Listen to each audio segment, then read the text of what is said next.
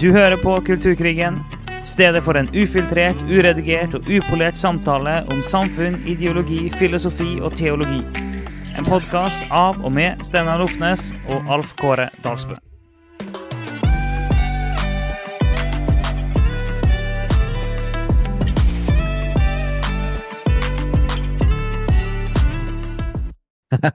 velkommen, velkommen til Kulturkrigen. I dag skal vi ha en utrolig gøy episode. Og eh, det blir spennende å se hvor vi kommer til å lande, fordi at det har vi ingen peiling på. Eh, vi er litt sånn eh, Har vi noen gang peiling på det? Ja, vi, mindre enn vi pleier har vi nå, da. Ja. Så, men det har vært jul. Og eh, forrige episode, selv om vi sa godt nyttår, den var jo tatt opp før eh, lenge før nyttår. Så dette er den egentlig første opptaket da, etter nyttår. Og da merker vi det at eh, vi er ikke helt sånn Ja, vi vet ikke helt hva vi, hva vi skal snakke om, så det blir litt fjas og gøy. Det blir det. Det, det, det blir det. Det, um, vi, um, det er veldig mange ting vi kan snakke om, men det er ikke alltid at vi eh, kjenner trøkket til å det, gå de ulike retningene. Det det er en blanding av at eh, vi naturligvis har lyst til å eh, snakke skikkelig og bra om ulike ting. Og så er det ikke alltid alle ting vi orker å snakke om. Og det er sånn, eh, Av og til så vet vi at eh, Eller noen ting er enklere å snakke om, noen ting er vanskeligere å snakke om. I dag så eh, kjente vi egentlig at eh, det var ingenting vi, vi orka å snakke om. Ja, nei, men hvordan har julen vært, uh, Alf Kåre? Det har vært veldig fint med jul. Det er masse familietid, og det er helt gull verdt. Og det er Det er veldig kjekt. eh, Det er ikke så ofte at vi har hele juleferien som familie fordi at Ellen er sykepleier. Det er dermed så blir ofte jula Ja. litt jobbing og litt eh, delt opp. Eh, Men eh, når hun er i morspermisjon, så er det enkelt. Så vi må egentlig bare fortsette å lage barn sånn at Ellen kan være i morspermisjon i juleferien. Det er Ja, du har jobbet, jobbet så mye ekstra at du har jo en del avspasering òg. Ja. Så dere fikk dere en god juleferie nå, det er jo supert. Fikk oss en god juleferie, og det var helt nydelig. Og så avslutta juleferien med å si farvel til min kjære farmor, som nå har reist hjem. Ja, det, det var litt spesiell eh, det du fortalte. Det var liksom siste ja, Det var sånn Ja. avskjedsting for deg, og det er jo noe med de eldre og de eldre som tror på Jesus, som reiser hjem. Det er en sånn spesiell situasjon. Det er jo det. Og det var Vi skjønte at eh, hun var helt på det siste, så jeg var inne, og hun hadde havna på sykehus. Så eh, vi dro innom der for å eh, takke og si farvel, egentlig. For hun var helt klar i hodet, selv om kroppen var på vei til å gi etter. Og det, det er noe med å ære de eldre. Det er noe med det å takke for det livet de har levd, takke for bønnene de har bedt, takke for det de har stått i, takke for den arven de har gitt videre, og det å um, Hva skal vi si Det å anerkjenne at jeg står på et fundament som eh, hun og andre har bygga. Den, Mm. den anerkjennelsen må gis, helst før en dø, rett før en dør òg, naturligvis, men mange ganger. Men den anerkjennelsen må gis.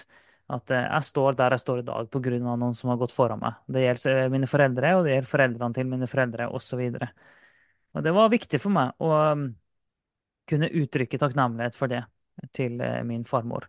Hun var jo veldig svak, eh, så det var ikke veldig mye hun kunne si. Eh, men hun responderte litt på ting jeg sa. Og så hadde hun én ting som hun sa til meg. Så da, da så hun meg i øynene, og så sa hun bare 'stå fast i trua', sa hun. Og det ble ganske sterkt for meg å ta det med meg.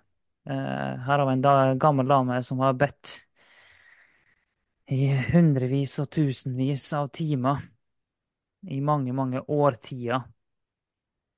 Og når en sånn dame setter øynene i deg og sier 'stå fast i trua', da, da hører du på det. Og da tar du til deg det. Det, det, det gjør det også. Så jeg har tenkt mye på det de siste dagene. Det, hennes siste oppfordring til meg var, var det.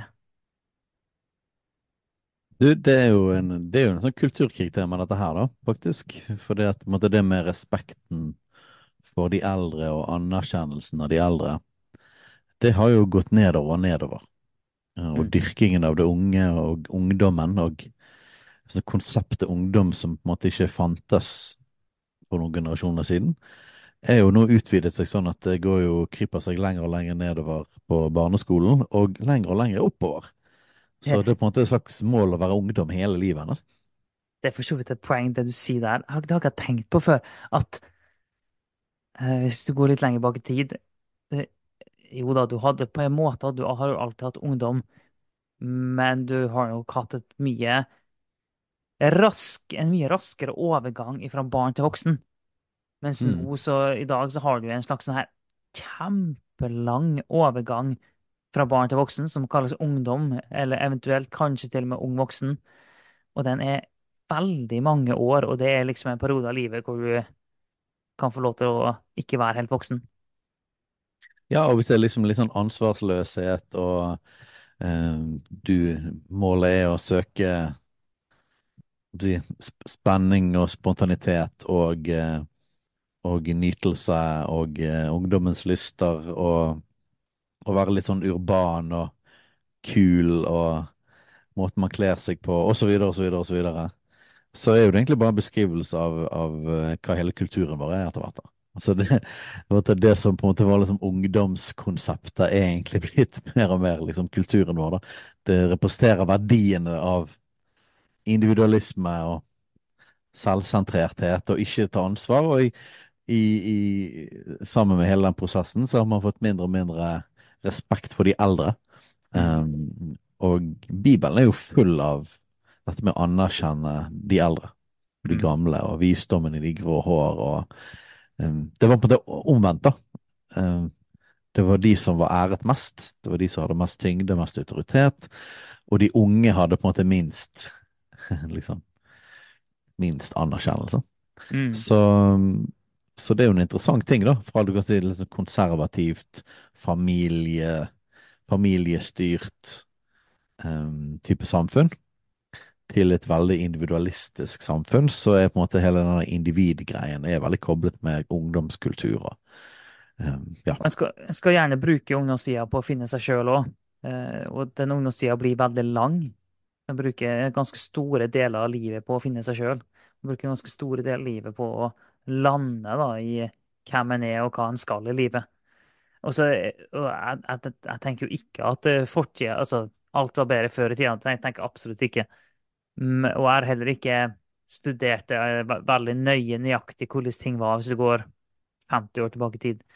Men jeg er ganske sikker på at du var ikke eh, 27 år og arbeidende og ble ansett som en ungdom. Det, det tviler jeg på. Men det blir du gjerne i dag. Ja. Så det er, en, eh, det er en interessant ting. Så ble jeg sånn trigget over det at du fikk så si farvel til din bestemor. Og eh,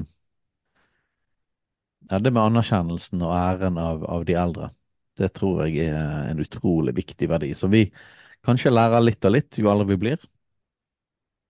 Vi skjønner at ikke alt handler om bare meg, og at vi står i en, står i en historie og en slektslinje, og ja, det er ikke bare meg, da. Alt handler ikke bare om meg. Og um, bare for å kaste ut den, da.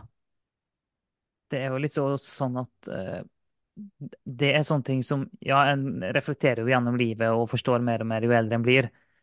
Men en del sånne tanker er jo tanker en virkelig begynner å kjenne på når en får egne barn. Ting settes veldig mye mer i perspektiv når en får egne barn.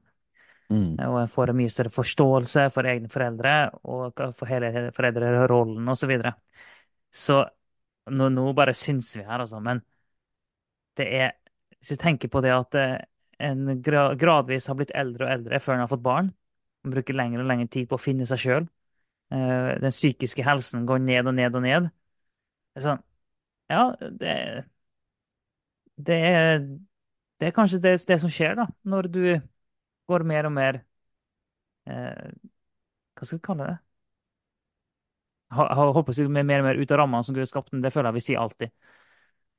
Jo, men det er jo en hyperindividualisme, sant? Mm. Og, som, det, og du går ut av rammene, og du skal sjøl du skal finne ut av alt. Og, og finne ut av altså Mindre og mindre sant? Vi tar en mer, mer postmoderne virkelighet der du òg skal finne sannheten utenfor deg sjøl.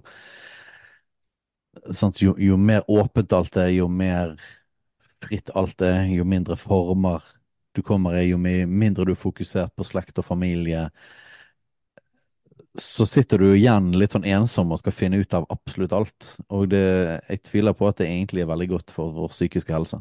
Nå skal det også sies det at eh, den andre siden er et superkonservativt samfunn der alt er bare familie, og du er din bygd, og du har bestemt hva du skal jobbe med, og sånn og sånn.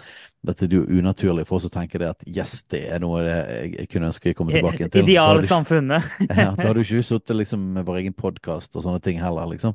Eh, så, så det finnes definitivt negative mekanismer i liksom det gamle bygdesamfunnet, det gamle konservative samfunnet, som, som på en måte gjerne bandt menneskers potensial, da. Uh, Ja og at det ikke ble frigjort ordentlig, og at vi hadde sånn. Så, men, det er jo, men det er i alle fall Jeg tror det er alle fall riktig å si at vi har i alle fall gått fra en grøft til en annen, da. Og at det har en påvirkning på psykisk helse. Det, det tror jeg absolutt det. Ja, det, jeg tenker det er helt åpenbart at det har påvirkning på psykisk helse. Som du sa, når en skal finne seg sjøl, en skal finne ut hvem en er i seg sjøl, og en lever i en stadig mer individualistisk verden som blir bare mer og mer alene, og så blir en mer og mer alene i sine vanskelige følelser i tillegg. Altså, det er jo ikke bra. Og jeg tror ikke at vi mennesker er skapt til å finne oss sjøl. Det er, det er, og jeg tror ikke, det er ikke meningen at vi skal finne vår identitet i oss sjøl. Det er ikke i oss. Vi finner ting vi finner i Gud. Jeg, jeg tror på det at vår identitet, identitet er noe vi får, vi får ta imot det fra Han først og fremst. Og så blir det en del av oss. Men det er jo ikke vi som skal eh, skape noe og finne det. Og, det, og, det, og tenker jeg, det er det, er rimelig stort press på unge, sårbare mennesker når en sjøl får høre at du kan bli alt du vil, eh, og du er alt du føler. Og så skal han da prøve å, å, å, å finne ut hvem han er, og hva en føler, og hvordan det her henger sammen. Og det finnes ingen stabile, faste rammer å forholde seg til. Alt er flytende. Alt er gigantisk og svært. Eh, En har ikke et anker, en har ikke et fundament. Det er, sånn, det er jo ikke rart at folk får psykiske problemer. Nei. Så det er jo et klassisk konservativt svar, men jeg ville si at det, det, stammer fra Bibelen, og eh, at veldig mye av meningen med livet er familie. Mm. Det er det å bli gift, få barn, og det å få barnebarn, og det å være en del av en slekt, både de som kommer, kommer før meg, og de som kommer etter meg, og at det er en stor del av vår identitet og vår trygghet og vår base og våre rammer. Og klart, eh, det kan være slitsomt, det kan være utfordrende. Familiebesøk i julen har sikkert jeg kan synes det er fryktelig slitsomt. Uh, og, og, og? Og, og man kjenner presset da på liksom ja, hva man sjøl liker og sin egen identitet. Og de, altså, så vi lever jo en spenning på de tingene der hele tiden. Men samtidig så tror jeg virkelig vi er skapt til å leve i det fellesskapet. Av Mm. familie, av slekt. Um, og til og med de spenningene som er der. Det er egentlig godt for oss, og, og vi blir sosialisert gjennom det. Og eh, det er utrolig trist å tenke at du er et e- e- enebarn der foreldrene dine er døde, eh, og du sjøl ikke har en eh, Du sjøl ikke er gift og ikke har barn, og så sitter du alene i en, en leilighet i Oslo. Det er liksom i bildet som får meg, og ingen av naboene dine vet hvem du er, og, og altså liksom Det blir et slags bilde på den sånn ultimate ensomhet.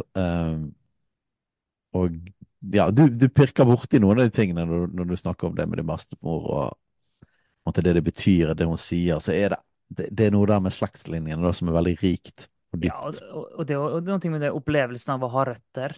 Opplevelsen Mm. av at en, eh, en hører hjemme et sted. Det trenger vi mennesker. Og vi hører hjemme i en sammenheng, og den sammenhengen er jo familien vår, først og fremst. Så det, det med familie er jo gudgitt. Og vi fikk litt eh, Vi, får ris, og vi får ros. Eh, En av eh, En kritikk vi fikk nylig, var jo det at på at vi mente at, en, at kristne nærmest måtte få barn. Og, og det mener jeg jo faktisk. At, at det er langt på vei så er det sånn at hvis Nå begynte jeg å kjenne på meg en gang. Sånn, OK, skal vi orke å åpne den døra der? Men nå, nå, nå, nå har jeg sagt såpass mye, Vil du være kontroversiell igjen? så nå får jeg bare fullføre det. Eh, Det er, det er helt klart i Guds ord at det går an å være singel. Og ikke at det går an, men at det kan være et velsigna og godt og rikt liv. Ja, Eh, Paulus eh, anbefaler det og argumenterer for det. ja da, og det, det er ikke et mindreverdig liv å leve e- enslig, sånn sett. Det er det ikke. Men det som òg er like åpenbart, er at for de fleste så inkluderer livet et familieliv. Og det som òg er ganske tydelig i Bibelen, er at eh, du finner ingenting eh, som tilsier at det er meninga å være gift uten å få barn. Og da snakker vi selvfølgelig ikke om den som sliter med å få barn, og medisinske utfordringer osv. osv. Vi snakker i generelle termer her. Og det er det at, eh, at eh, når kristne mennesker gifter seg, så er barn en helt naturlig del av den relasjonen og den eh, enheten da, eh, som en blir. Eh, og det å eh, være, være et kristent ektepar og tenke at en ikke skal ha barn, og aktivt velge å ikke ha barn, det er Jeg kan iallfall prøve å være så mild og diplomatisk jeg kan og si at det, det tenker jeg er eh, svært problematisk. Og jeg har eh, veldig vanskelig for å se at det finnes eh, eh, gode bibelske grunner for det, eller egentlig at det finnes egentlig noen bibelsk åpning for det. Det har jeg vanskelig for å se. Eh, det, det er det Jeg, mest eh, diplomatiske jeg klarer å være på det. jeg hadde jo tenkt å slenge ut noe ikke-diplomatisk og si den, den mest eh, kontroversielle setningen som vi får eh, stadig får, får reaksjoner på, og det er at eh, vil si at det er ikke en kristen tanke. Ja. Men sant, det er vanskelig å komme utenom vær fruktbare og bli mange. At det Mm. faktisk er, det er en kommando, det er et oppdrag. Eh, og at det er en veldig, veldig viktig del av hensikten vår. Og kan man ikke det, så kan Gud snu alle ting til det gode. Sånn at hvis man ikke kan få barn, det, med det utgangspunktet er det en tragisk ting, det er en trist ting, det er en vond ting, det er en smertefull ting. Og så vet vi at Guds godhet og nåde og kjærlighet kan gripe inn i alle mulige slags vanskelige ting som ikke i utgangspunktet var var meningen fra, fra skapelsens side, og så kan han snu det til det gode, absolutt. Men, men eh, det, det er vanskelig å ikke si at det er en, en Det er ikke noe som, som var Guds tanke i utgangspunktet. Og så har du unntaket som Paulus argumenterer for, er jo for å ikke måtte tenke på det som hører på en måte denne verden til den fysiske verden, og alt ansvaret som kommer med å være gift og ha familie, sånn at man kan bruke all tid og all Mm. energi på å forkynne evangeliet og å bli forfulgt og bli fengslet og bli pisket og plante menigheter og, og leve med byrden av omsorgen for alle menighetene og hele listen som, som Paulus kommer med. Eh, Så argumenterer han for at nå liksom i denne trengselstiden, la oss liksom bare gi alt for evangeliet. Eh, Det er noe ganske annerledes enn litt sånn her eh, urbant, postmoderne, hyperindividualistisk liv der man drikker caffè latte og vil ikke forplikte seg og vil ikke ha familie pga. global oppvarming og, og at altså, altså hele den der pakken, da. Som, som er noe, det er noe Det blir veldig vanskelig å ta Paulus til inntekt for en sånn måte å tenke på, eller en sånn måte å leve på. Ja, men til og med, da, om du Det er sikkert noen som kommer til å reagere på det her, men det, det, du får skrive inn til oss og argumentere mot oss.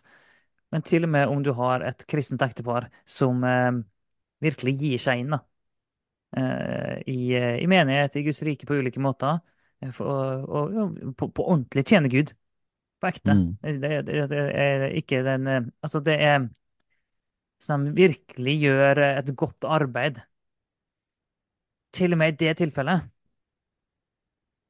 så vil jeg, nå vil jeg si at skal du ta liksom, Bibelen på alvor, så er det vanskelig å komme fram til at uh, du kan holde på med det og uh, Altså, jeg, jeg sier ikke jeg, ikke jeg vil ikke si at det absolutt ikke finnes åpning for å ikke få barn, men jeg skal si at hele Bibelen, som er ganske sånn tjukk, tjukk, tjukk, tjukk rød tråd, uh, peker i én retning på det her, og du finner ikke noe i Bibelen som åpner opp for at det er meninga, eller at det er greit. Altså, det finner du bare ikke.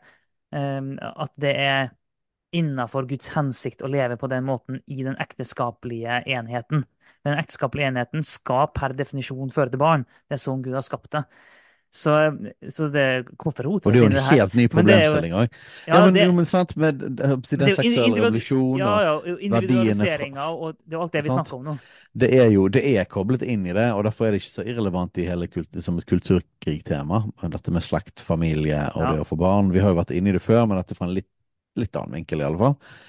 Eh, Det er ikke tvil om at, at hele denne kulturelle revolusjonen òg er et angrep.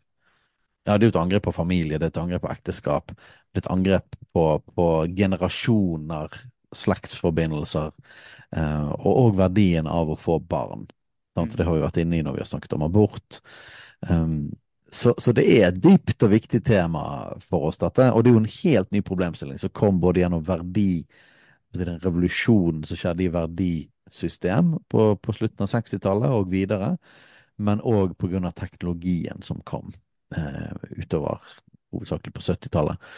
Eh, så både prevensjon og abort og all kunnskapen vi nå har, der vi, og der sex blir såpass løsrevet fra det å få barn, at du, man egentlig prøver å fjerne fullstendig det som har med barn fra Mm. sex.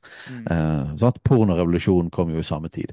Så, det, så liksom sånn her eh, Å gjøre sex til individuell nytelse, der det ikke får konsekvenser for den andre personen engang, Uh, det, det handler egentlig bare om meg og min nytelse. Og å fjerne det så, så mye fra barn som, som man nå har gjort, det er, er, det er en ubibelsk tanke. Og, og derfor, med dette som ligger under, så vil jeg si at jeg er helt enig med det du sier. Det, det er rart å tenke et kristent ektepar, og vi vil ikke ha barn, som, Ja. som en kristen tanke. For det er jo det som er, Vi prøver jo å adressere premissene som ligger under. Vi prøver å adressere hva er grunnen til at vi tenker sånn som vi tenker. Og det, det der vi sier da at Hvis en tenker som et kristent ektepar at det, er greit å ikke få barn, så stiller vi store spørsmålstegn ved hva er egentlig hvordan er måten du tenker på. Er, tenker du egentlig i tråd med Bibelen, eller tenker du mer sekulært enn det du tror? Det er det vi, det er det vi pirker borti. Og når du nevnte det med eh, sex, da. Um, jeg hørte en podkast i juleferien nå med en som eh, Og um, jeg vet ikke om jeg følger han helt eh, like langt som han gikk, men føler han et godt stykke på vei. Eh, han, eh, han var imot eh, prevensjon, da. Det var han jo imot. Og, Mm. og, det, og poenget hans var jo det at, at vi har ingen rett til å ta noe ut av sex som Gud har putta inn.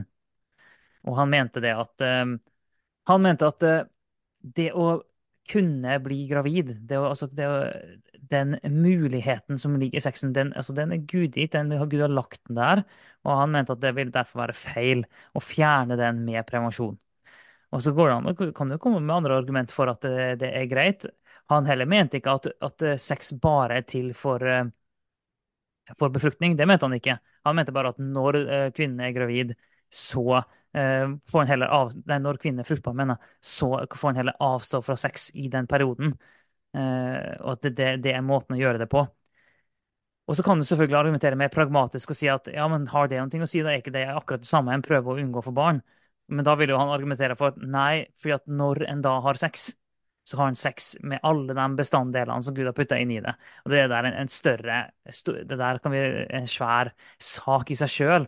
Poenget mitt, eh, grunnen til at jeg løfter fram, er jo egentlig bare det at i alle sånne ting så må vi hele tida prøve å tenke ok, men hvorfor tenker jeg sånn som jeg tenker?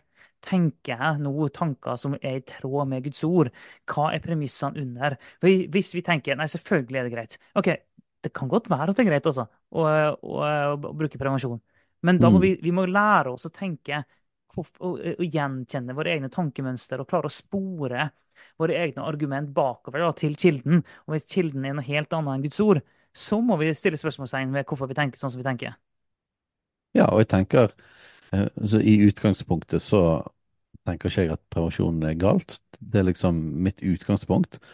Men Og så har jeg ikke hørt nøyaktig akkurat det argumentet før. Jeg har jo hørt argumenter mot prevensjon, men, men jeg tenker det at det han sier går i tråd med Bibelens budskap rundt sex, familie og barn. Og da er egentlig liksom byrden av å forklare meg sjøl egentlig på meg, ikke på han. For, Mm. fordi at jeg ser at eh, jeg, jeg ser at det er et godt argument. Betyr det at det, er, at det er galt? Nei, ikke nødvendigvis, for det står ikke noe, det står ikke noe veldig direkte om det.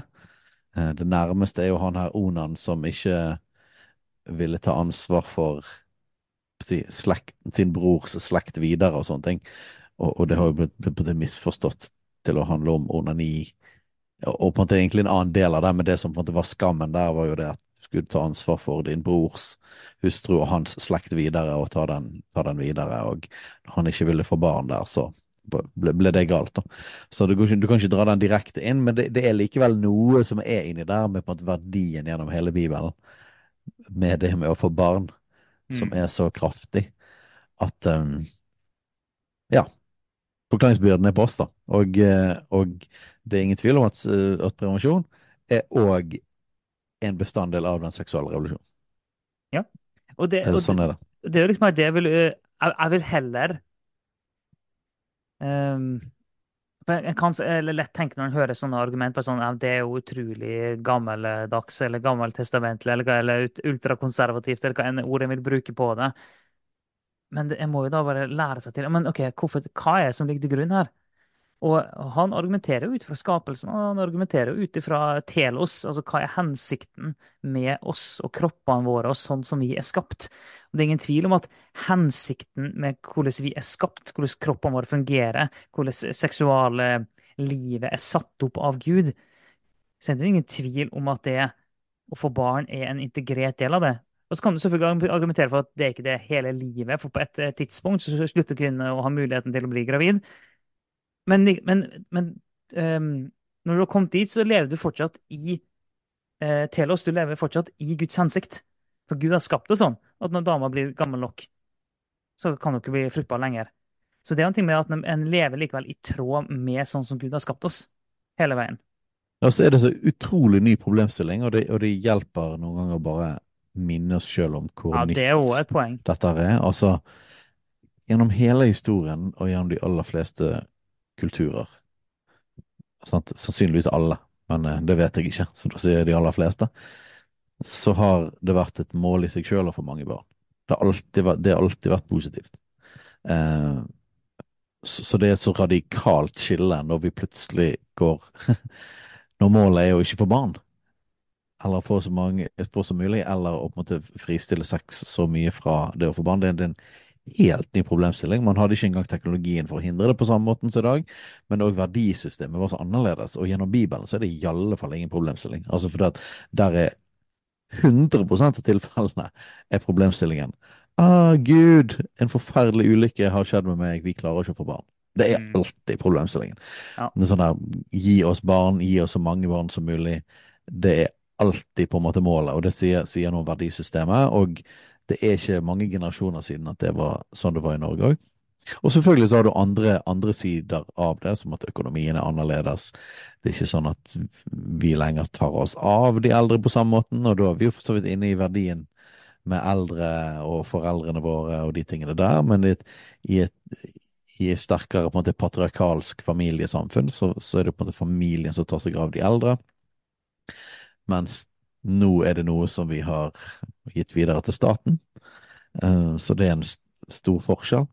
Eh, Så, og så har du det med barnedødelighet, for så vidt, så er jo fantastisk har gått så mye ned, eh, sant? på grunn av forståelse av hygiene og, og utviklingen av, av medisin og den teknologien. Så det er jo fantastisk, og det gjør det at mye flere barn overlever. Men likevel så er det jo sånn at vi kunne jo nå hatt mange flere barn. Sånn at vi hører disse historiene at de fikk tolv barn, og halvparten av de overlevde. Men de hadde jo likevel seks barn. Sånn at eh, med all det som har med hygiene og utviklingen å gjøre, og økonomien, så kunne vi jo like gjerne ha Vi kunne ha seks barn likevel. Da kanskje ikke vi hadde prøvd å få 15 barn fordi at vi visste at så mange kom til å dø, og fordi at vi måtte ha noen til å ta over og, og ta vare på oss når vi var eldre.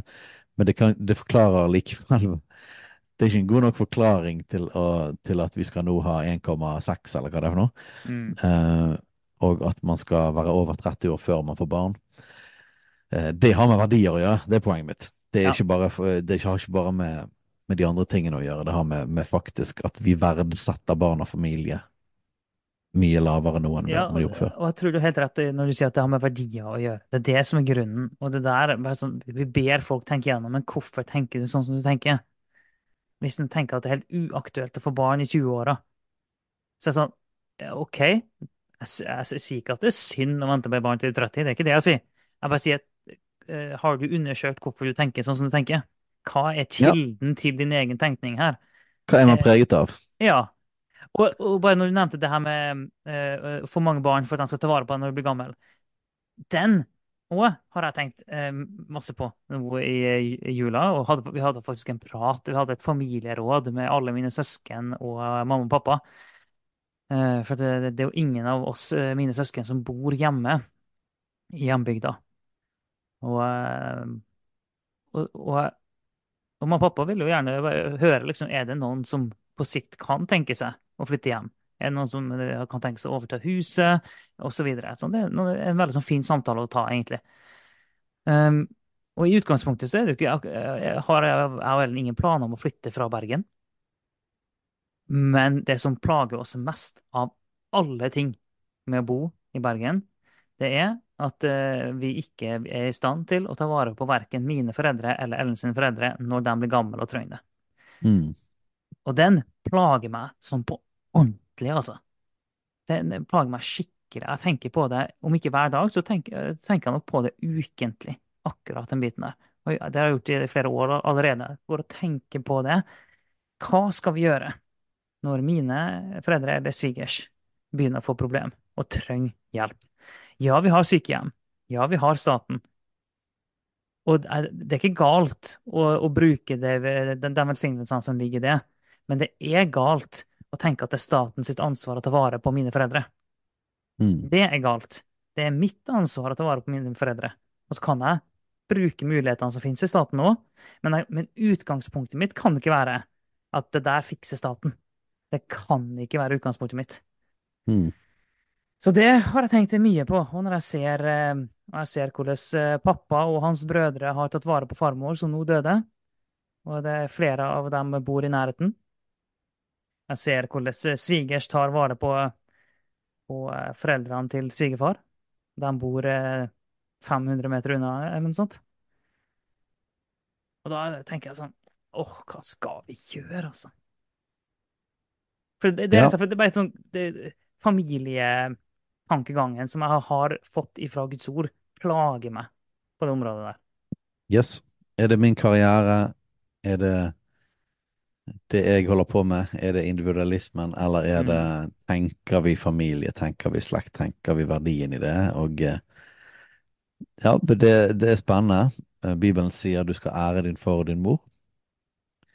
Og eh, det gjelder òg. Forholdet blir annerledes. Det, det, det står jo òg en kommando at du skal være lydig mot dine foreldre, men det gjelder jo når du når du bor med de og er en del av den kjernefamilien. Men det med å ære dine foreldre slutter ikke. Og det samsvarer jo med dette med å ære den som er eldre. Vi snakket om til, til Timoteus er det vel om hvordan han skal snakke til noen som er de som er eldre. Eh, så har du dette med enhet med generasjonene. sant? Barnas hjerte til fedrene og fedrenes hjerte til barna, barnas hjerte til fedrene. Hele, sånn, hele den måten å tenke på er viktig, og du ser hvordan Spesielt fedrehistoriene, Abraham, Isak, Jakob, eh, Josef, du ser eh, når de, når de skal dø, og de skal ha velsignelsen. Så tenker jeg, ja, det er bare sånn gammeltestamentlig, gammeldags greie, eller er det noe der? Mm. Eh, velsignelsen fra de som har levd et langt liv, og at de bærer noe, da. Og at det er noe som går videre, det er noe som blir gitt videre i slekten. Og til og med at det er sånne ting som Guds kall og, og Guds favør, og vi pratet litt før vi tok opp om, om konsekvensene av det David gjorde. Du ser det i mange, mange slektsledd, så ser du at det, det var en velsignelse som fulgte eh, det at David hadde fulgt, fulgt Gud, selv om han falt han òg, og måtte vende om og få nåde, så var det en velsignelse av at han helhjertet elsket Gud og ville følge Gud. Og til og med konger som gjorde masse ondt, de fikk liksom begrenset dom eller slapp ting, konsekvenser av ting de hadde gjort, på grunn av Davids rettferdighet. Og har Gud sluttet med sånt? Er det sånn at når vi, vi kommer over til Nyttestamentet, så har det ikke slekt noe å si? Fins Mm. ikke lenger disse her linjene av velsignelse og slektsladd, velsignelser og forbannelser og, og, og kall over familier og sånn? Jeg, tror jo det fins fortsatt. Jeg tror det ligger der fortsatt, og at i de moderne samfunn, og enda mer i det postmoderne samfunn, så er vi blitt så individualistiske at vi, at vi glemmer disse tingene. At ikke vi ser disse tingene godt nok. Ja, og nå, eh, nå er det her bare en sånn eh, helt sånn ufiltrert refleksjon eh, fra meg her, men når, når du snakka nå, så fikk det meg til å tenke på når eh, Peter snakker om at eh, han i praksis sier at hvis ikke vi tar eh, vare på konene våre, så vil ikke bønnene våre bli hørt. Ja. Eh, som er ganske sånn heftig, heftige vers. Hvis ikke, hvis ikke du behandler kona di godt, kan du virkelig forvente at eh, Gud skal høre på deg. Men eh, og så sier ikke Bibelen så veldig mye mer om det i forhold til andre familiemedlemmer, men å tenke det vil jo likevel være i det minste eh, i, så noenlunde i tråd med, med det verset. da. Og tenke sånn, ok, men Hvis en ikke ærer og anerkjenner sine foreldre, sine besteforeldre, hva, hva hindringer får en da? ja. Å leve innenfor Guds rammer, det bringer velsignelse. Ja. Uh, og dette er en del av Guds rammer. Og å leve utenfor, det tar oss ut av Guds velsignelse. Det tar oss inn i forbannelse. Og det Mm. tror jeg fortsatt i den nye pakta det gjør. Um, Men vi har, jo snakket om, eh, vi har ofte snakka om at eh, mye av det som kjennetegner de siste 50 årene, er jo angre, seksuell revolusjon og, og postmodernisme. Det er jo angrep på kjernefamilien. Det er jo oppløsning av rammer, ja, men også dermed oppløsning av kjernefamilien. Og ikke bare, kjern, ikke bare kjernefamilien, for så vidt. Oppløsning av familie generelt. Oppløsning av storfamilien. For vi argumenterer for mer enn kjernefamilien. Vi argumenterer faktisk for storfamilien. Det er jo det vi gjør. Både Ja. i, i ren biologisk forstand og i åndelig forstand i menighet. Så uh, argumenterer vi egentlig for begge deler, da. Ja. Så det er jo bare det oppløsninga av alt det her. Sant? Og bare sånn tilbake igjen til Paulus, da. Altså, det livet, det enslige livet for å forkynne evangeliet og kunne gi enda mer for det, det var jo ikke i Det var ikke et individualistisk liv, da. Nei, det, det, det er et godt Eh, poeng. det er et veldig godt poeng. Paulus reiste med team, Paulus snakker om menighet og, og det tatte fellesskapet, legeme, eh, familie. Eh, han snakker om seg sjøl som en far eh, i forhold til menigheten. Altså han betjener, han har folk som han, som han kaller åndelige sønner, som han oppfostra. Så han si For Paulus kan du si det at han, han ga opp kjernefamilien og si sånn storfamilien for å gi alt inn på evangeliets forkynnelse og den åndelige familien. Men var ikke, det var ikke på en måte selvrealisering eh, og et individualistisk liv han ga seg til. Så, så på mange måter kan man si at med mindre det er sånn at man av en eller annen grunn har ikke funnet en partner, og det kan være vondt, og det kan være vanskelig, og det kan være forskjellige ting som har gjort, gjort det, uh, eller at man ikke kan få barn, eller det er sånne type ting. Og nok en gang, jeg tror i utgangspunktet det er en, en, en dum ting. Det, det er noe dumt, og så kan Gud snu det. Uh, Og så kan det være veldig meningsfullt, og Gud kan komme og gjenopprette og fikse alle mulige ting.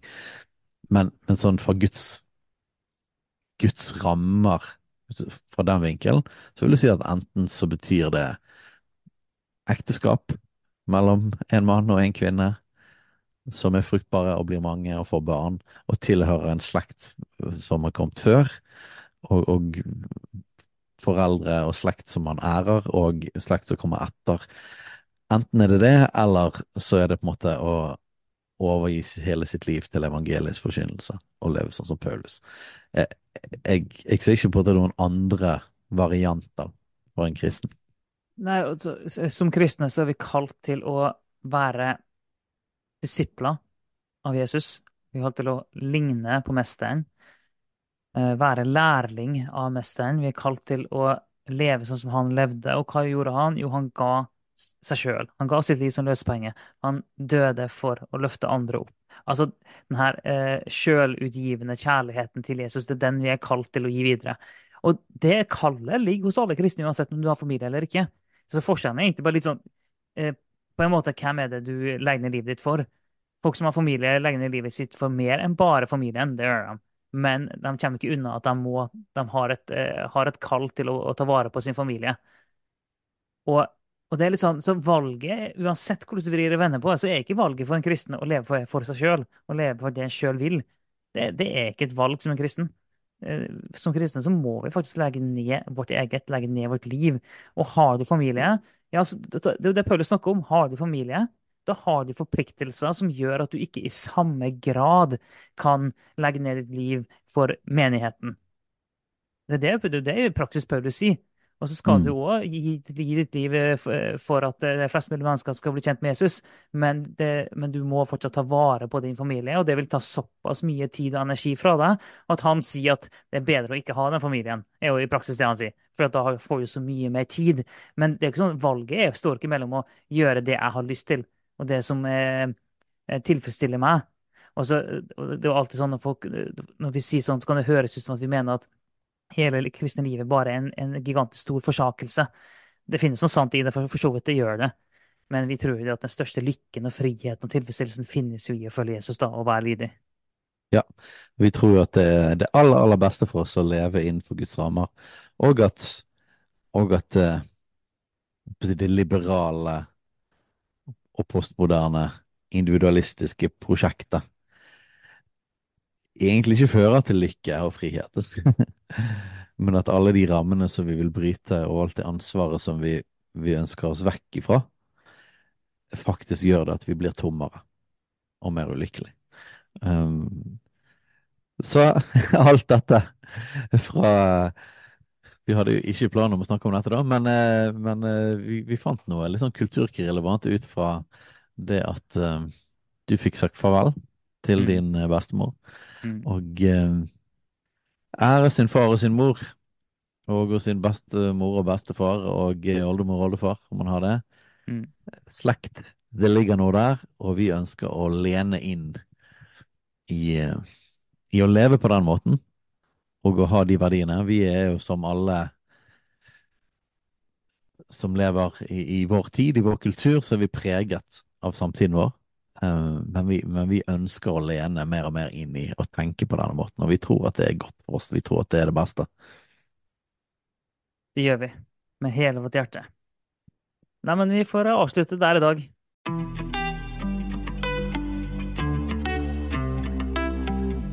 Takk for at du lytter på Kulturkrigen. Om du har tilbakemeldinger, spørsmål, hva som helst egentlig, send inn til post alfakrøllkulturkrigen.no eller på sosiale medier.